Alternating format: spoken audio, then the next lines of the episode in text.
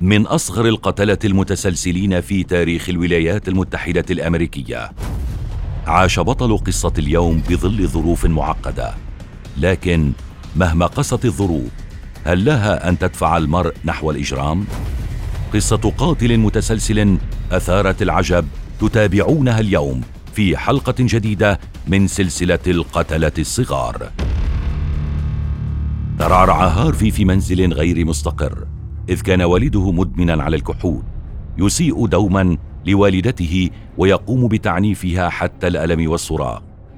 هذا السلوك للوالد أدى إلى أذية الأم جسديا ومعنويا وكان روبنسون وسط هذا الوضع من الفوضى والعنف يتأثر كثيرا بما يراه وبما يحصل بوالدته أمام نظره.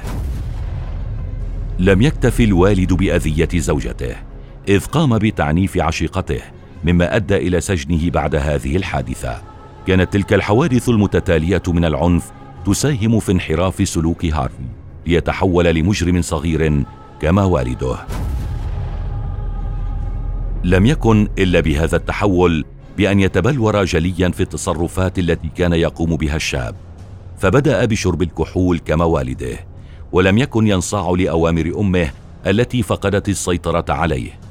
لم يكن يتوقع أحد أن يتحول هذا المراهق لأصغر قتلة أمريكا المتسلسلين إذ بدأت جرائمه تتوالى واحدة تلو الأخرى.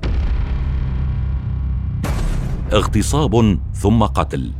هكذا كانت أساليب هارفي إذ كانت الضحية الأولى مساعدة ممرضة تدعى جوان. قام هارفي باغتصابها ومن ثم شرع بقتلها بأعنف الأساليب وخبأ جثتها. ومن ثم اتبع الأسلوب نفسه مع الضحية الثانية التي كانت طالبة في مدرسة بجوار سكنه وكانت قاصرا. دينيس سام كالي كانت واحدة من اثنين من ضحايا روبنسون الذين نجوا.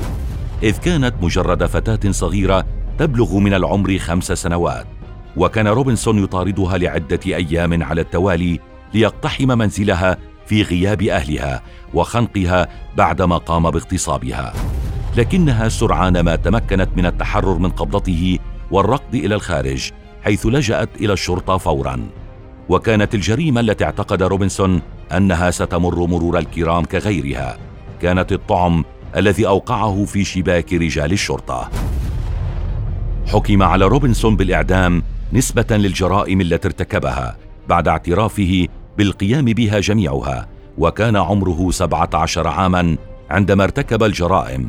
فقررت المحكمة الحكم عليه بالسجن المؤبد ولأنه تم التأجيل بالعمل بتنفيذ عقوبة الإعدام. قضى فترة بالسجن حتى أيدت المحكمة العليا في بنسلفانيا عقوبة الإعدام لهارفي في جرائم القتل والاغتصاب التي أنهى فيها حياة فتيات بريئات.